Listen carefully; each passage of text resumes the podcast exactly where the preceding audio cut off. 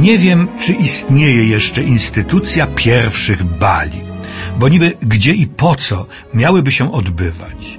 Inne zapanowały obyczaje, inne są oczekiwania młodych. Czasy się zmieniały, zmieniają i będą zmieniać. Ale czasami warto chyba cofnąć się o te głupie kilkadziesiąt lat, zobaczyć, poczuć, zrozumieć tamtych młodych, dla których ten pierwszy bal był czymś szczególnym, był jakby nieoficjalnym wejściem w życie dorosłe, dojrzałe, choć, jak wiadomo, i dziś to wchodzenie w życie dorosłe, dojrzałe trwa nieraz wieki całe. Tak czy inaczej, pierwszy bal przed laty.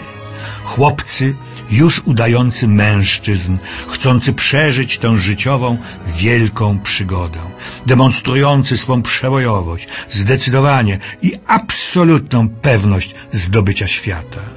Dziewczęta, tak wiele od tego świata oczekujące, stabilizacji, zrozumienia i przede wszystkim miłości, tego wszechogarniającego uczucia, bez którego nie potrafią żyć. Tak było kiedyś, nie tak znowu dawno. W 1937 roku, dokładnie 70 lat temu, wszedł na ekrany film pod tytułem Jej pierwszy bal. To podróż sentymentalna głównej bohaterki Christine, która po nieudanym małżeństwie i śmierci męża postanawia odnaleźć swych rówieśników, którzy wpisani byli do jej balowego karnetu. Christine jest kobietą nadal piękną, w dodatku zamożną, niezależną, bez zobowiązań. Rozpoczyna więc tę podróż do przeszłości, wzruszona, otwarta, oczekując, że odnajdzie coś, co być może przed laty utraciła, co jednak mogłaby teraz odzyskać. Odwiedza kolejno swych tancerzy, wielbicieli sprzed dwudziestu lat.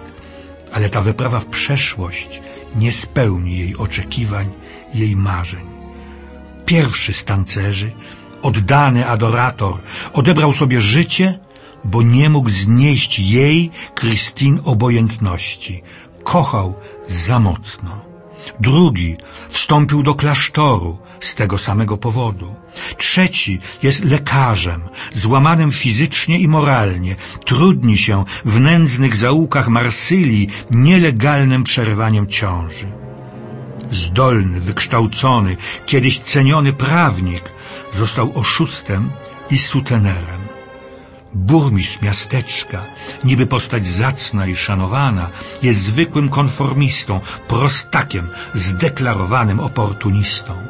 Kolejny tancerz pracuje teraz jako fryzjer na zapadłej wsi. Następny uciekł w Alpy, żeby oderwać się od zgrzebnej, pustej i prymitywnej codzienności. Kiedy Christine wraca z tej sentymentalnej wędrówki, dowiaduje się, że chłopak, którego ona szczerze kochała, był przez te lata jej sąsiadem z drugiej strony jeziora. Kiedy do niego w końcu dociera, okazuje się, że przed tygodniem zmarł. Christine zaopiekuje się dzieckiem, które zostało bez bliskich, bez opieki.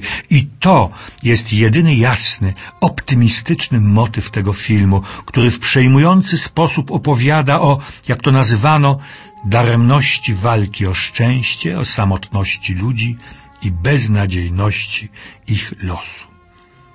A jak o filmie jej pierwszy bal pisano po jego premierze w Polsce w 1937 roku, w samych superlatywach. Proszę posłuchać. Ten piękny, nagrodzony najwyższym odznaczeniem na Biennale, film Julien Duviviera wznosi kinematografię na wyżyny dostępne tylko dla prawdziwej, najczystszej sztuki. Z którejkolwiek strony podejdziemy do tego obrazu, natychmiast opanuje nas jego przedziwny czar, subtelności, kultury i wielkich talentów zespolonych w pracy natchnionej i głęboko artystycznej. Dla Duviviera jako reżysera ten film jest niejako jego credo artystycznym.